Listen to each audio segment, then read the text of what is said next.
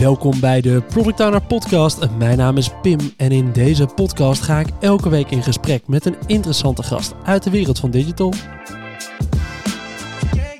Deze aflevering spreek ik met Jordi, een vaste luisteraar van de podcast waarmee ik in gesprek raakte over het verdelen van de aandacht van je teams. Jordi werkt al vier jaar als product owner en heeft een liefde voor sturen op data. Maar hoe doe je dat als PO? Soms verdwijnt alle tijd van je sprint in het ongeplande werk, waaronder bugs, problemen en al dat andere snelle werk. Maar hoe breng je dat in kaart? Je wil natuurlijk niet dat dat zorgt dat je je sprintdoelen niet haalt. Maar ja, je wil ook niet altijd nee moeten zeggen als er iemand aan je bureau staat. Jordi onderscheidt het werk van zijn teams in vier onderdelen. Hoe, waarom en wat dat inzicht oplevert, is wat we in deze aflevering gaan bespreken. Want hoe hou je overzicht als PO? Hey Jordi, leuk om je hier uh, eindelijk in een aflevering te hebben. Ja, dankjewel. Leuk man. Hey, waarom wil je dit soort dingen nou inzichtelijk hebben? Ja, waarom niet? Ja, omdat het gewoon ook wel lekker is als het loopt zoals het loopt. Ja, zeker. Maar uiteindelijk moet je ook bezig zijn waar je mee bezig moet zijn. Ja. En dat is wel iets wat heel belangrijk is. En als je in de waan van de dag meegetrokken wordt en eigenlijk gewoon aan het doen bent naar wat er op je bureau komt, dan heb je aan het eind van de dag allemaal ontzettend belangrijke dingen gedaan. Maar je hebt niet af wat je eigenlijk af zou moeten hebben. Ja, en dat is de grootste valkuil die er is als je dit niet inzichtelijk maakt. Ja. Dat je eigenlijk hebt gezegd, we gaan deze feature deze week echt afronden. Exact. Of deze sprint echt afronden. Maar dat je eigenlijk volledig verdwaald bent geraakt in al dat uh, werk wat voorbij kwam. Er belt iemand, er komt een uh, storing voorbij langs een service desk. Die zegt, ja, we hebben echt een probleem, we moeten er nu naar kijken. En je gaat erin mee. Uiteindelijk is de tijd weer weg. Je hebt niet geluncht. Eind van de dag ga je naar huis en denk je, ja, ik had een heel mooi lijstje met spullen die ik eigenlijk moest doen. Maar het lijstje ligt er nog steeds voor de dag daarna. Ja, ja, nou ja, ik, eh, ik zie het nut ervan in. En uh, laten we daar deze aflevering eens even induiken. Hey, hoe ben je zelf in die rol van PO gegroeid vier jaar geleden? Ik, ik heb altijd wel interessant gevonden om te kijken naar wat gebeurt er nou in een organisatie en hoe kunnen we ons daarop op inspelen en zorgen dat we samen naar een groter doel kunnen gaan. En dat is eigenlijk voor mij ook wel het begin geweest naar een stukje stakeholder management. Ik heb dat bijna tien jaar lang binnen een ziekenhuis gedaan, uh, aan de facilitaire kant, om te kijken naar wat willen die zorgafdelingen nu, wat vragen ze van bijvoorbeeld een beveiliging of van een logistieke dienst en hoe kunnen we zorgen dat het ook op elkaar aansluit en er niet gewoon iets geleverd wordt, maar het eigenlijk helemaal niet past. Ja, hoe uitte zich dat? Um, nou, heel simpel. De beveiliger die loopt een rondje door het ziekenhuis en die komt er op een gegeven moment erachter. Oh, er is een incident op de eerste hulp, maar ik sta nou helemaal aan de andere kant van een ziekenhuis van uh, twee kilometer lang. Ja. En dan moet hij eerst tien minuten rennen voordat hij daar is. En ondertussen is hij te laat, omdat het al ja, geweest is. En dan ga je in die rapportages kijken en dan zie je dat er iedere zondag, zaterdag op zondagnacht om vier uur een incident is. Maar die beveiliger is altijd aan de andere kant, omdat zijn ronde zegt dat hij ergens anders moet lopen. Ja. Al, als voorbeeld. Um, en ja, zo kun je natuurlijk beter erop gaan sturen om te kijken naar wanneer heb ik nou een bepaalde persoon ergens nodig. Maar bijvoorbeeld ook voor een beddencentrale in een ziekenhuis. Wanneer dat ze nu bed schoon moeten hebben en om bepaalde afdelingen hebben moeten staan. Daar hebben ze weer een lift voor nodig om een bed ergens naartoe te brengen. En zo ga je eigenlijk een stukje uh, ja, aanbod en vraag aan de andere kant op elkaar matchen. En zorgen dat je ook echt het doel van de organisatie bedient en samen tot een groter doel komt. Ah, hoe noemen ze je huidige rol toen? Um, projectmanager. Projectmanager. Oh ja, nice. Ja. dat is een van de, van de rollen waaruit de meeste mensen doorgroeien naar product owner uiteindelijk. Ja. Hey, wanneer werd je dan product owner? Bij wat voor iets um, was dat? Ja, ik ben een management development traject ingestapt binnen het ziekenhuis. Ik heb daar HBO-opleiding gedaan en oh. um, heel veel vrijheid gekregen om echt te gaan kijken naar wat vind ik nu leuk. Nou, aan de ene kant een stukje data-analyse en hoe kun je daar strategische bedrijfsbeslissingen mee ondersteunen. Maar überhaupt bedrijfskunde en ook juridisch is iets wat ik heel leuk vond. En ik heb dat eigenlijk vier jaar lang kunnen doen binnen dat traject. Ja. En toen begonnen met het integreren van een uh, product van een leverancier, een parkeerproduct. En het klikte zo goed dat ze zeiden van ja, waarom kom je niet bij ons werken? We zoeken iemand in ja, hetgeen wat jij ah. doet en leuk vindt. Een stukje data-analyse, helpen om een product te groeien. En ik ben daar in de rol van implementatiemanager, als het heel mooi noemde, in dienst gekomen. Ja. Dat is een extern ontwikkelingsbedrijf, die bouwde maar features in een product zonder eigenlijk te kijken naar wat wil de markt nu. Um, ja, er werd gewoon een lijst gesteld. Nou, hier gaan we de komende weken aan bouwen. en dan werd het gebouwd. Ja. En dan werd een, een, een release note lijst doorgestuurd naar de klant. En die zeiden van ja, eigenlijk zit u helemaal niet op te wachten. en zo ben ik die rol meer gaan opnemen. Um, uiteindelijk is het bedrijf overgenomen door de investeerder. Ze wilden graag groeien en ja, daar is kapitaal voor nodig. En die investeerder ja. dacht, hey, wij gaan het hele bedrijf opkopen, integreren. En ja. dan hebben wij een compleet pakket op het gebied van mobiliteit. Ja. En in die fusie, of ja, die overname, ben ik doorgegroeid naar een product owner rol. En was eigenlijk de vraag van, nou, we hebben een heel groot parkeerproduct. En wat we daarmee doen is de bedrijven benaderen. Maar de echte parkeerder, die missen we eigenlijk. Die, ja, die bereiken we niet. De medewerker van de grote bedrijven, die gebruikt wel ons systeem, maar ja, we kunnen hem niet beter helpen met parkeren. Ja. En de vraag was, wat kunnen we daarin? die grote bedrijven hebben al een parkeerbeleid. Ze hebben op het gebied van mobiliteit heel veel regelingen voor fietsen, voor openbaar vervoer. Maar om dat aan elkaar te knopen en de mensen de vrijheid te geven hoeveel dat ze voor het parkeren betalen. Dus bijvoorbeeld je komt drie keer met de fiets en daardoor is een parkeertarief minder omdat je met de fiets bent gekomen en de parkeerplaats hebt ontlast, CO2-reductie, noem het maar op. Um, om dat eigenlijk allemaal naar elkaar te breien, zijn we gaan kijken naar producten wat we daarvoor konden gebruiken. Nou, we kwamen heel snel bij een boekingsportal die we daarvoor konden gebruiken. Om mensen zelf te zeggen, deze dagen kom ik parkeren. Alles qua data aan elkaar knopen. Mensen een prepaid bundle geven om te parkeren. En zo eigenlijk die vrijheid naar de, naar de medewerker toe te geven. Kijk. Oké, dat is een flink traject geweest. Ja, dat is en, een mooi klus. En nu door op een soort interim basis waarbij je bij andere klanten gaat zitten op tijdelijke traject als PO? Ja, klopt. Kijk. Hey, en nou, wij raakten op een gegeven moment in gesprek uh, naar aanleiding van uh, wat je iets in de op, uh, een opmerking die je had over een aflevering. wat ik altijd heel erg leuk vind. En nou, ik ga dan graag altijd even in gesprek. Mm -hmm. En toen vertelde je over dat je eigenlijk veel bezig was met data bij elkaar trekken als PO. En dat je eigenlijk alles indeelde in vier kaders. En dat vond ik eigenlijk wel leuk. Want ik stel, stond wel vaker stil bij. Oké, nou ja, dit is het snelle werk. We moeten altijd een percentage overhouden voor bugs en dat soort mhm, problemen. Mhm. Maar we moeten wel het grootste deel vrijhouden voor innovatie. Voor het maken van de nieuwe features. Exact. En jij zei nee, maar dat deed ik in, in vier kwadranten. Kun je me iets uitleggen over die vier kwadranten die je daarvoor gebruikt? Ja. Ja, aan de ene kant heb je natuurlijk, je noemde hem al, de incidenten, de, de ad hoc zaken die voorbij komen, waar je van denkt, ja, dit is een verdomd goede reden om mijn werk te laten vallen, dit moet ik nu oppakken. Ja. Um, en dat is eigenlijk ook meteen de valkuil, want dat is ongepland werk. Dus werk wat voorbij komt, waar je denkt, ja, we moeten doen. We kunnen het niet inplannen en zeggen, nou weet je, die bug of die server die down is, laat hem maar lekker down. Over twee weken begint een nieuwe sprint en dan pakken we hem op. Dat, dat werkt gewoon niet. Um, dus dat is wel eentje die uh, meteen ook de belangrijkste is en daarom ook de eerste naar mijn mening. Aan de andere kant heb je een stukje uh, platform en application health, waar je gaat kijken naar security updates, naar de, uh, de longevity van een product. Dus zorgen dat het ook in de toekomst nog goed blijft presteren, goed blijft werken. Dat het onderhoudbaar is. Exact, exact. Ja. Gewoon het onderhoud en zijn algemeenheid. Maar ook zorgen als je bijvoorbeeld een integratie bouwt of je maakt een, een API-koppeling, noem maar iets. Hè, en je denkt, ja, het werkt voor nu, maar zou het eigenlijk beter kunnen doen. Dat je het op termijn dan ook wel oppakt en zorgt dat je het ook beter maakt. Niet dat je na een jaar of over twee denkt van, oh, weet je nog die vervelende API-koppeling die we gebouwd hebben? Ja, en de originele uh, developer is ondertussen weg. Documentatie hebben we niet geschreven. Ja, dat. Precies, precies. Ja. En dan wordt er ergens bijvoorbeeld in de filtering voor zo'n API wordt één regeltje toegevoegd. We willen nu ook op divisie 350 filteren. Ja. En dan voeg je die toe en vervolgens zet alles kapot.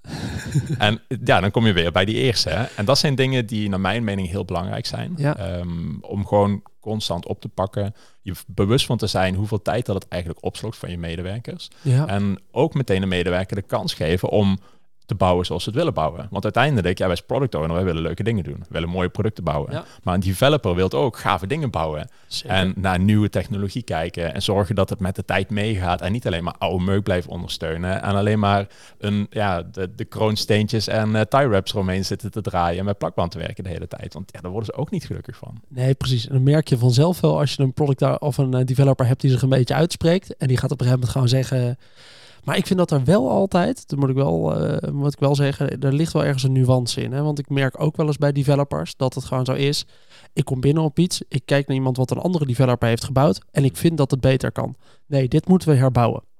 Ja, ho, ho. Wacht even, moeten we het herbouwen of wat is er mis mee? En ik vind dat daar altijd wel een nuance gemaakt moet worden. Hoewel ik inderdaad altijd het statement heb, we nemen alleen maar goede mensen aan. Mm -hmm. Dus je moet ook kunnen vertrouwen op de mensen die dit doen. Uh, en nooit minachten zijn of nooit denken, nou dat zal niet waar zijn. Maar ik merk wel vaak dat iemand dan zegt, nee, dat, dat moeten we herbouwen.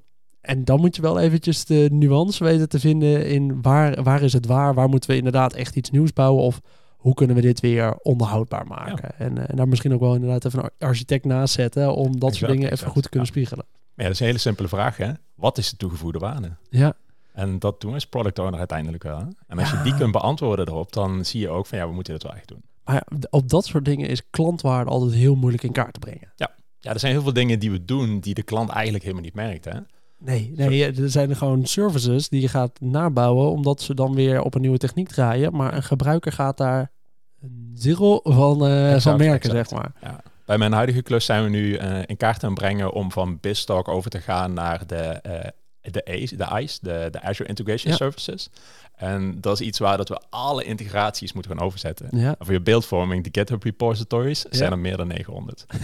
en die moeten dus allemaal omgezet gaan worden, maar de business moet het ook gaan testen wereldwijd. Dus van iedere business unit, van iedere fabriek die de Ja. werkgever heeft, moeten er resources beschikbaar gesteld worden om die nieuwe koppeling te testen, om te zorgen dat het werkt. Alles wat er qua eh, service desk en eh, support buiten de aanwezigheid van die mensen is, moet Ja. ook geïnstrueerd worden.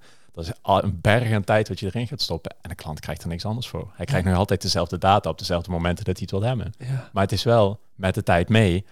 En goed, en dan kun je ook zeggen van ja, weet je, we hebben nu een product. Ja. En over twee jaar bijvoorbeeld gaat het end of life. Dan hebben we nog een jaar aan security patches en dan is het op.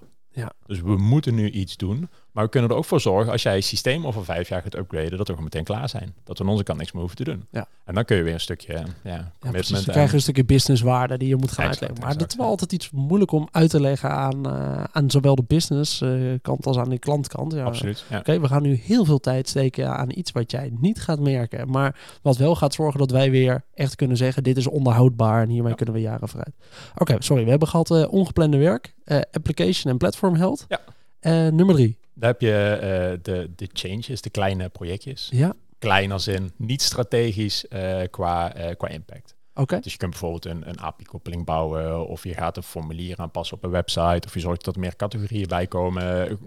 Relatief kleine dingen die je binnen een paar sprints op kunt pakken. Ah, precies. En niet minder dan één sprint, maar binnen een paar, eh, binnen afzienbare tijd. Precies, precies. Ja. En dat kan best iets zijn dat het team komt met, hey, we moeten iets gaan aanpakken, we moeten iets opnieuw gaan bouwen, of noem het maar op, wat Ja. bijvoorbeeld twee of drie sprints kost. Dat is dan ook zo'n zo'n small change of een project. Eh, maar het is nog altijd niet van strategische grootte. Juist. Oké. Nummer vier. Ja, dat zijn de strategische projecten. Dat is precies De, wat er dan nog overblijft. de, Je grote features en ja, je ja. epics en eh, je doelen die eromheen liggen. Precies. Dus als bedrijf zegt van ja, weet je, we hebben zo'n oud systeem, we gaan nou alles helemaal omgooien naar een heel nieuw iets, omdat bijvoorbeeld eh, ja, de concurrentie ons heeft ingehaald en de innovatieve slag niet meer gemaakt kan worden, dan zit je wel aan een strategisch project. Dus het heeft echt op zo'n niveau impact. En hoe bepaal je nou een goede balans hier tussen? En is die balans altijd gelijk voor verschillende teams? Of Nee. is die een soort van ik denk, fluïde en aanpasbaar naar elk team? ik denk dat die zelfs binnen het team eh, constant wijzigt. Omdat je natuurlijk aan grote projecten werkt. Die hebben een begin en een einddatum. Afhankelijk hoe die projecten ingestoken zijn, is het gewoon, ja, je hebt zes maanden de tijd en dan moet het klaar zijn. Maar ja, wat er dan klaar moet zijn en of het dan compleet is, ja, dat zie je pas als het af is. Hè? Ja. Een stukje projectmanagement eh Shit, aansturing, zo even netjes zeggen. verkapt projectmanagement. Ja, er- ja, Dat, dat zie je dan vaak terugkomen. Hè? Ehm, en gaandeweg ga je natuurlijk kijken van wat komen er voor projecten binnen. Zijn er projecten van korte tijd die we moeten oppakken, waar eh, bijvoorbeeld een nieuwe fabriek wordt aangekocht en die moet gekoppeld worden aan alle systemen. Ja, dan moet je natuurlijk zorgen dat die integraties gebouwd worden. Of als er een, ja, stel we hebben iPhones en Android telefoons en dadelijk komt een ander merk met het nieuwe telefoon, eindelijk innovatie op het gebied van telefoons. Ja, Ehm, dan moet er natuurlijk een nieuwe app gebouwd worden op een nieuw platform, een nieuw systeem. En dan moet je opeens weer iets gaan doen. Ja, waar ga je die dan zetten? De vraag is dan natuurlijk, is het dan een klein project of strategisch? Hoeveel tijd ga je erin stoppen? En dat zijn allemaal dingen die je natuurlijk moet gaan afwegen op basis van de waarde wat het voor het bedrijf heeft. En ja, de echte de noodzaak ervan. ja. En als jij ergens eh, binnenkomt bij een nieuwe klus, ehm, hoe maak je dan in eerste instantie deze inschatting? Hoe het huidige werk verdeeld is? Nou, de meeste development teams hebben allemaal een mooie omgeving als Jira of Azure DevOps of noem het maar op. Ja. En ja, dan kun je gegevens exporteren. Ja. En die kun je heel makkelijk aan eh, Tableau koppelen, aan Power BI. Volgens mij heeft Power BI zelfs voor al die tools, zelfs Asana, gewoon standaard koppelingen. Dat je alleen maar hoeft in te loggen, de gegevens worden erin gepompt en ze staan er. Ja, En dan is het een kwestie van analyseren, kijken wat je hebt. En ja, Epic, Feature, User Story, Task, ja, dat is eigenlijk de standaard structuur die je overal terug ziet komen. En als je daar een tag aan koppelt op bijvoorbeeld filter op een bepaalde epic, dan kun je heel snel zien van wow, er gaat heel veel tijd naar bijvoorbeeld de grote projecten. 80% van de tijd zit erin. En Ja. Het mooie is dan als je dat over tijd gaat bekijken, dan zie je dus dat bijvoorbeeld vorige maand gebruikten we opeens heel veel tijd in die incidenten. Er waren een paar servers die kapot gingen. eh, ja, harde schijven gingen kapot, moesten vervangen worden. Daardoor moesten we van alles doen aan rerouting, noem het maar op. Hè. Dat Ja. zijn dan opeens ongepland werk wat erbij komt, waar je heel hard je best moet doen om alles weer in de gang te krijgen. En dan zie je dat het percentage in die hoek opeens veel groter is ten opzichte van het werk wat je dan in die strategische projecten had moeten stoppen. ja. Ik denk misschien nog wel dat de grootste valkuil toch met dat ongeplande werk is dat het niet eens geregistreerd wordt in een bord. Vaak. Maar het ligt Dat- natuurlijk ook een beetje een organisatie, hè? Ja, zeker. Nou ja, ik zie nu in, in een team dat er, eh, in mijn team, dat de developers daar heel strikt op zijn. Dat ook het kleinere werk wordt echt Mhm, even een mhm. ticket van gemaakt. En nou, die wordt regelmatig gewoon direct in de sprint wel gegooid, zodat ze het direct kunnen oppakken. Maar dan is het in ieder geval wel geregistreerd. Maar die komen dan in het DevOps board terecht. Ja, die komen gewoon direct In in het. Ja, ja, Want er zijn ook genoeg bedrijven die bijvoorbeeld ServiceNow gebruiken. Vaak zie je dat bij bedrijven die een, een externe helpdesk hebben of buiten aanwezigheid een, een, ja, een bedrijf eh, in de arm hebben genomen die voor hun zorgen dat de, de response gedaan wordt. Die pakken P1, P2 incidenten op. En Ja. ja. dan, dan zie je vaak dat tools als ServiceNow gebruikt worden. En ja, dat is ook weer een bron aan, aan inzichten. ja, precies. Dan kun je hem nog op die, eh, op die manier eh, erbij pakken en daar wat meer inzicht Exact, in ja. creëren. Ehm, wat is in jouw hoofd? Is er een ideale balans of is de ideale balans er niet? Nee, die is er niet. Die is er niet. Nee. Ligt gewoon aan het team hoeveel tijd je nou eigenlijk moet besteden aan dat ongeplande bugswerk. Hoeveel je eigenlijk besteedt aan het onderhouden van het, eh, het systeem, de gezondheid van het systeem. Ik denk dat het heel belangrijk is dat het team eh, een deel van de tijd spendeert aan eigen ontwikkeling. En dat kan zijn door een hackathon te doen, om zich te verdiepen in nieuwe technieken, ehm, training te doen, of gewoon samen eens na te denken van waar staan we nu? En waar zouden we eigenlijk over drie of vijf jaar naartoe willen gaan? Waar gaat de markt op gebied van de techniek die we gebruiken? Wat is nu de toekomst? En wat kunnen wij doen om daarin mee te kunnen gaan? En ik vind dat wel heel belangrijk, wat ik eigenlijk ieder team probeer mee te geven. Denk aan jezelf, kijk naar de toekomst en blijf je ontwikkelen.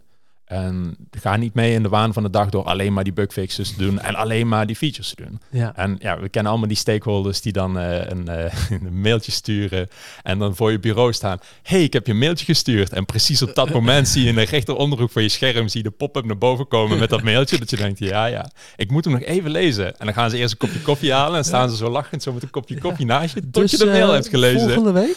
Nee, meteen. Ja, die kun je nu toch wel even oppakken. Is maar 10 minuten werk, is even filtering toevoegen. Dat is het toch?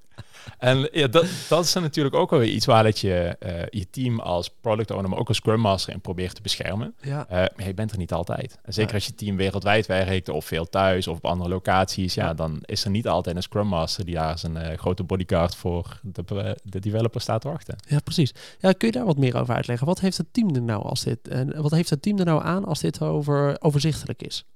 Ehm, ik vind het heel belangrijk dat een team niet overrompeld wordt door alles wat mensen maar roepen en willen. Ja, Ehm, dus de stakeholders die de mensen komen omkopen met een kopje koffie.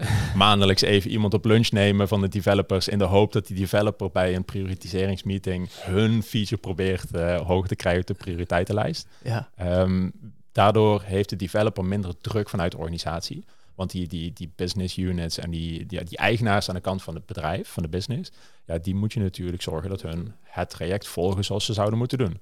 De developer kan bezig zijn met wat hij echt wil doen, gewoon echt gave dingen bouwen, op de manier zoals het eigenlijk zou moeten. En niet alleen maar afkortingen nemen en uiteindelijk, ja, de Pleistertje afkorting, plakken. Ja. Exact, exact. En daardoor wetende van, nou, we plakken nou een pleister op al een hele grote berg met pleisters. Ja. En er komt een moment, dan vallen ze allemaal om. Ja. En ja, dat is natuurlijk iets wat je moet voorkomen. En dat is voor een developer ook niet leuk. Hè? En ik vind dat wel heel belangrijk, dat ze gewoon echt kunnen bouwen wat hun vinden dat ook echt het product is. Want uiteindelijk vraag je ze om iets te maken en zeggen van dit is de waarde wat we ermee willen bereiken. Ja. Maar hoe je het bouwt, ja. ja, dat is echt aan hun. Exact, exact. En als ze dat kunnen doen op hun manier, Ja. dan zie je vaak dat de producten ook veel beter worden. Dat ze ook richting de toekomst toe gewoon ja, veel beter blijven werken. En dat ze ook langer blijven plakken. Exact, ja.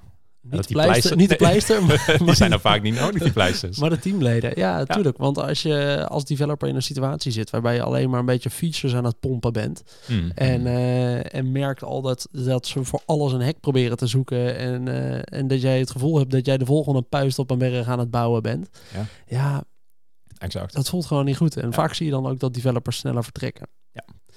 Maar je zou dus eigenlijk willen dat als je dit overzicht hebt, dat een developer dus ook wat makkelijker kan zeggen: hey, we zitten voor deze sprint eigenlijk al vol met het kleine werk. Mhm, mhm. Ga maar even met Jordi overleggen in welke sprint we het wel kunnen oppakken. Precies, ja. Dat zou het ideale scenario zijn, Ja. toch? Ja, wat ik persoonlijk wel mooi vind, is dat je natuurlijk een developer ook inzicht geeft door bijvoorbeeld zo'n kwadrant in een Power BI dashboard te zetten waar het hele team het kan zien. Ja. En dat ze dan ook zien van, hey, ik heb het gevoel dat we met heel veel dingen bezig zijn, maar eigenlijk niet met wat we nu moesten doen in deze sprint of wat ik vandaag op zelf op mijn planning had staan. En daar kunnen ze ook in zo'n overzicht zien met, hey, kijk, als we nou het aantal eh bugtickets wat binnenkomt uit ServiceNow vergelijken met het werk wat we eigenlijk hadden moeten doen, dan zien we dat dat percentage gewoon drie, vier keer zo hoog ligt. Ja. Waardoor komt dit nu? En dat ja, kan meerdere doelen hebben. Hè. Er kan ergens iets kapot gegaan zijn. Er kan iemand stiekem een, eh, een update ergens in gedaan hebben waar dat je niet van bewust was. Ja, dat bekende oude afdeling die zegt, ja, we hebben hier nog een security patch. Die knallen op vrijdagmiddag wel even erin. En ja, vervolgens het hele development team tot maandagochtend uh, door te werken. Ja. Ehm, dat is natuurlijk ook eentje waar dus je heel mooi inzicht uit krijgt. En het team kan zich er ook mee beschermen. Want ze weten dan ook van ja, het is verdomd goed dat we het gedaan hebben. Maar eigenlijk hadden we het helemaal niet moeten doen, omdat dit voorkomen had kunnen worden. En zo hebben ze zelf gewoon ook inzicht in ja, waar ze naartoe gaan en waarom dat ze bepaalde doelen misschien niet gehaald hebben die ze eigenlijk wel willen halen. Ja, uh, dat geloof ik wel. Nee, dat, eh, dat is wel fijn om daar even op terug te kunnen blikken. Als, uh, ook als developer van hé hey jongens, we merken nu al een paar sprints dat we onze doelen niet echt halen. Hoe komt dat nou in godsnaam? Ja, we hebben wel het gevoel dat het hier vandaan komt. Maar als je het dan ook nog eventjes echt inzichtelijk kan maken met een paar metrics, precies, ja. dan helpt het wel. Hey, kun je er een voordeel uithalen als stakeholder? Als je nou stakeholder bent van een team wat dit veel doet, is er dan ook een voordeel voor je? Of ga je alleen maar tegen of gaat elke stakeholder gelijk zijn? Nee, nee, nee, laten we dit maar niet doen, want dan verlies ik eigenlijk mijn invloed. Ja, als product owner hebben we natuurlijk al 50 manieren om nee te zeggen. Ja. En ehm, persoonlijk vind ik het heel mooi om mensen het ook visueel te laten zien. Ja. Dus dat je een, een, een dashboardje kunt maken en dat ze daarop kunnen kijken als stakeholder zijn, hè, los van of dat intern of extern is. Ja. En dat ze dan zien van oké, ehm, zo staan we nu ervoor. En ze zien dan zelf, ze krijgen het besef op basis van de grootte, de kleuren, noem het maar op. Hmm, eigenlijk hebben ze geen tijd deze sprint. Dit loopt er, dan moet dit af zijn. Ja, mijn ad hoc vraagje van misschien 10 minuten. Of hey, ik heb deze vraag, maar dit zit er achteraan. En dat zeg ik wel als je dat stukje gedaan hebt. Ja, je kent ze wel. Dat... Ja. ja. Iedere organisatie heeft ze. Iedereen die nu zit te luisteren, die denkt bij, bij hetgeen... Oh ja, dat was een vraagje van 10 minuten. Dat klopt. dat was ook een vraagje van 10 minuten. We hadden alleen niet bedacht dat dat invloed zou hebben op deze service. Die er daarna eventjes een paar tikken bij kreeg. En dat overbelastte de server weer. En daardoor ja, hadden we iets meer dan 10 minuten weg. Ja, precies. En ja, dat, dat is wel een heel mooi inzicht voor stakeholders. Natuurlijk ook richting de toekomst toe, omdat je al vooruit kunt plannen qua sprints. En naar mijn mening ook wel ja, twee, misschien drie sprints vooruit voor een groot deel zou moeten plannen. Ja. De, de echt strategische projecten, dat weet je natuurlijk. We hebben ja, een velocity van 25 user stories bijvoorbeeld nodig of uh, een storypoint uh, ja. vergelijking. Hè? Die tijd ben ik sowieso al kwijt aan mijn sprint. Dan hou ik nog misschien 40% van mijn tijd over.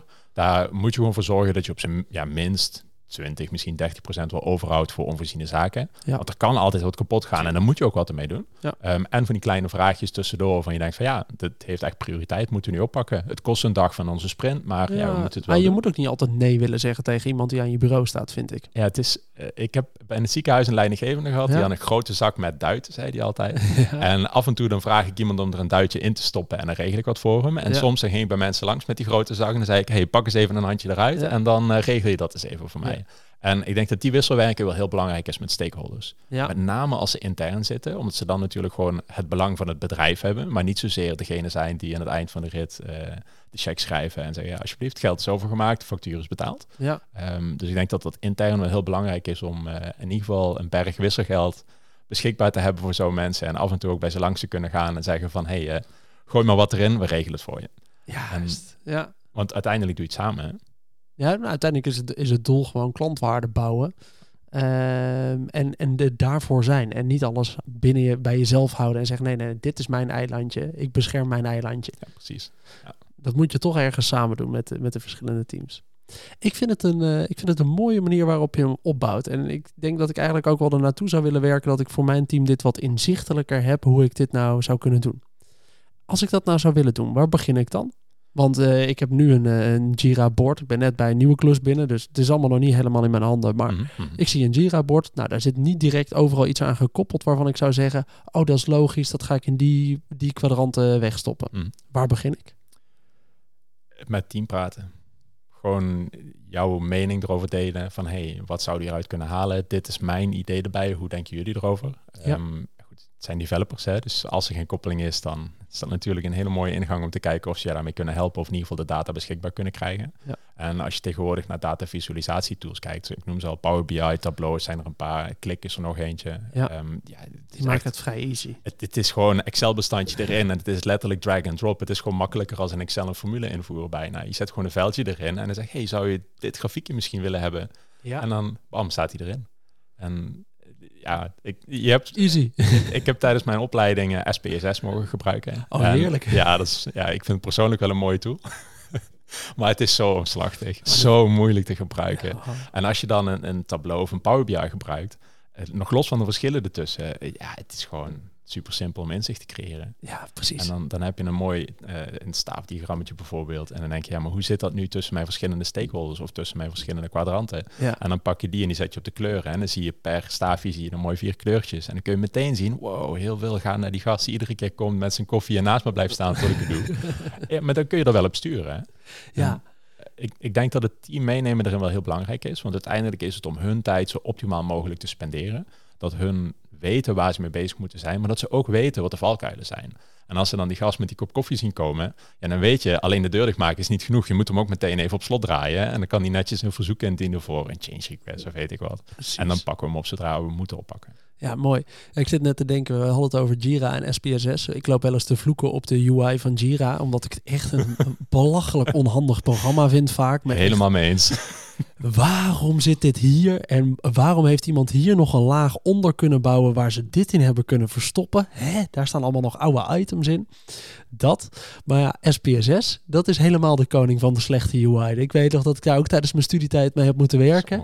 Daar werd je echt verdrietig van. En dat is echt, eh, Ja. tegenwoordig zijn er zoveel tools die het makkelijker maken om je data inzichtelijk te krijgen. Maar op gebied van eh, echt, echt onderzoeken, zeker Ja. wetenschappelijk niveau, is. SPSS gewoon de standaard. Grappig is wel, er zijn mensen die zich hier dus zo erg aan storen. Die hebben een open source versie gemaakt van SPSS. En Ja. dat hebben ze genoemd PSPP. Dus ze hebben de letters gewoon omgedraaid. En ja, hij, je moet hem voor de fun moet je hem eens een keer openen. Hij is open source gratis te krijgen, Ja. Mac, Linux, Windows. En ja, hij werkt wel beter. Die werkt. Oh, heel chill. Dat iemand gewoon heeft gedacht, nee, dit gaan we gewoon niet langer doen. We gaan hier wel iets op veranderen. Maar het is inderdaad nog steeds vaak de standaard. Ja. Ik vind hem eh, mooi. Ik, eh, als ik hem eventjes opzommen waar we het vandaag over hebben gehad, dan hebben we het gehad over die vier kwadranten waarop je je werk eigenlijk kan indelen. Ik denk dat die op eigenlijk elk project, op elk product eigenlijk wel van toepassing kunnen zijn. Daar kun je gewoon je dingen wel in plotten. De drempel naar hiermee starten is tegenwoordig een stuk kleiner, omdat je eigenlijk best wel je data kan exporteren en eigenlijk goed in een, in een Mhm. simpele tool kan zetten en zo je werk kan verdelen. Dat geeft jezelf wat inzicht in, hey, hoe verdeelt mijn team nou zijn werk? Verschilt dat ook wel heel erg per sprint? Dus hebben we nou in de ene sprint heel veel bugs lopen fixen? Of waren we gewoon lekker strategisch bezig met mooie innovatie? Maar ook voor je team helpt dat en ook voor je stakeholders helpt dat. Ik vind het eh, wel cool hoe we, dat, eh, hoe we dat uit elkaar hebben eh, weten te zetten in deze aflevering, Jordi. Hey, als we eventjes gaan naar waar we hem vaak een beetje mee afsluiten, deze podcast, de grote lessen. Heb je zo'n meest gegeven tip aan dan wel je team, dan wel de stakeholders om je heen? Heb je een soort basistip die je veel mensen geeft? Ehm, ja, blijf dicht bij jezelf. Ja, Ik denk dat het heel belangrijk is, zeker als je met ja, de spreekwoordelijk terug tegen de muur gezet wordt. Wat toch vaak gebeurt als je in een lopend project binnenkomt, dan ja, staat vaak de helft van de toko al in de brand. En ja, dan moet je proberen brandjes te blussen. Hè? En ja, je kunt niet alles in één keer doen. ja. Ehm, en betrek zoveel mogelijk mensen erbij. Dat, dat zijn wel dingen waar ik persoonlijk heel veel uit gehad heb. En wat ik ook in, eh, bij vorige werkgevers heel vaak ben tegengekomen. Als er een incident is, als er iets loopt. ehm, we moeten iets voor elkaar krijgen. Ja, zet de mannen samen. En het hoeft geen overleg te zijn dat iedereen netjes naast elkaar zit. Oké, dit is de agenda. ja. Maar wel een, ja, we noemen de werksessie. Dat je samen gaat kijken naar wat willen we nou bereiken en hoe gaan we dat bereiken. En dan iedereen aan het eind van de rit een, een taak meegeven. Dit ga je regelen, laat weten wanneer het af is. En dan komen we er allemaal samen. Precies. En daarin ook de transparantie geven waar het niet goed gaat. Ja, precies. Want samen leren. hè. En uiteindelijk, ja. je leert het beste door gewoon gruwelijk op je bek te gaan. En dan... eh, en weer op te staan. Exact, En weer even te denken, wat deden we nou echt verkeerd? Ja. dit ga ik nooit meer zo doen. En ja, Ja. Nee, dat is, dat is een mooie manier. Hey, in het kader van eh, je gegevens inzichtelijk maken van je team, is er iets wat je vooral niet moet doen hiermee? ja, mensen beoordelen erop. Oké. Dus als je developers gaat vergelijken met... Ja, jij hebt maar eh 10 user stories gedaan en iemand anders heeft er 25 gedaan. Ja. Ja, dat is echt een no-go. ja, dat gaat Dat- het echt verkeerd. Ja, als je inzicht gaat maken, en dit is natuurlijk wel een, een, Een valkuil een, gevaarlijk onderwerp wat dat betreft, Ja. ehm, dan is het ook belangrijk dat ze weten waarom je het gaat doen. En dat je ook samen afspreekt ehm, wat het doel is. En als er mensen zijn die er echt moeite mee hebben, ehm, ik heb het in het verleden een keer gehad. Toen hebben we uiteindelijk een brief geschreven waarin dat we allemaal onze intentie hebben geschreven met wat we er wel mee willen doen en vooral wat we er Oh. niet mee gaan doen. Ja. Het hele team heeft dat ondertekend en die hebben we ergens opgeborgen in een personeelsdossier. Ja. Dat ze in ieder geval zeker ervan zijn van ik word er niet op beoordeeld. En juist de mensen die er de meeste moeite mee hadden, die maakten inderdaad de mensen user stories, maar die waren wel constant die brandjes aan het blussen. Ja. En die zeiden van ja, op user story meten, dat heeft geen nut. Nee, dat heeft ook geen nut als je alleen maar andere dingen aan het doen bent buiten het systeem. Wat een hele goede reden hebben, alleen ja, niet is waar ik mee bezig zou moeten zijn. Ja, precies. Oh, dat vind ik wel een hele goede strekking om nog eventjes duidelijk te maken. Mocht je dit nou gaan doen, wees transparant erin en communiceer je doel ermee. Precies. Het doel is om voor iedereen wat meer inzicht te geven in waar hoe we onze tijd nou verdelen. Ja. En het is niet om te bekijken of Jantje, Pietje of eh, Mo eh, nou de meeste tijd besteedt aan nou ja, de simpelste dingen of de moeilijkste dingen. En Precies, of dat ze wel precies, hard ja. genoeg werken. Want nou ja, Het is Wat- een team, hè? wat we al een keertje zeiden. Ja, we nemen alleen maar goede mensen aan. Dus waarom zou ik me druk gaan maken over of jij je werk wel doet of niet? Ja. Nee, mooi. Hey Jordi, dankjewel dat je hier eh, aanwezig was in de, in de podcast. Ik, vond het, eh, ik vind het een leuke aflevering. Ik denk ook een nuttige aflevering voor, eh, voor onze luisteraars. Als gasten nou nog vragen hebben hierover... of misschien een tip willen over hoe ze aan de slag kunnen... met dit soort grafiekjes maken of dit soort inzichten maken... kunnen ze een bericht sturen via LinkedIn. Ik denk graag mee. Kijk, top. Dat is Jordi Koppenhagen op LinkedIn. Dan bedank ik iedereen weer voor het luisteren naar deze aflevering van de Product Owner Podcast. Vond je het nou een leuke aflevering? Vergeet dan niet om onze podcast een goede review te geven in jouw favoriete podcast. Heb je nou nog vragen of opmerkingen voor mij aanleiding van deze podcast? Stuur me dan vooral een berichtje op LinkedIn. Dat is Pimpot. Of via de mail, dat is pim.productowner.nl. En dan hoop ik dat je de volgende keer weer luistert. Tot dan!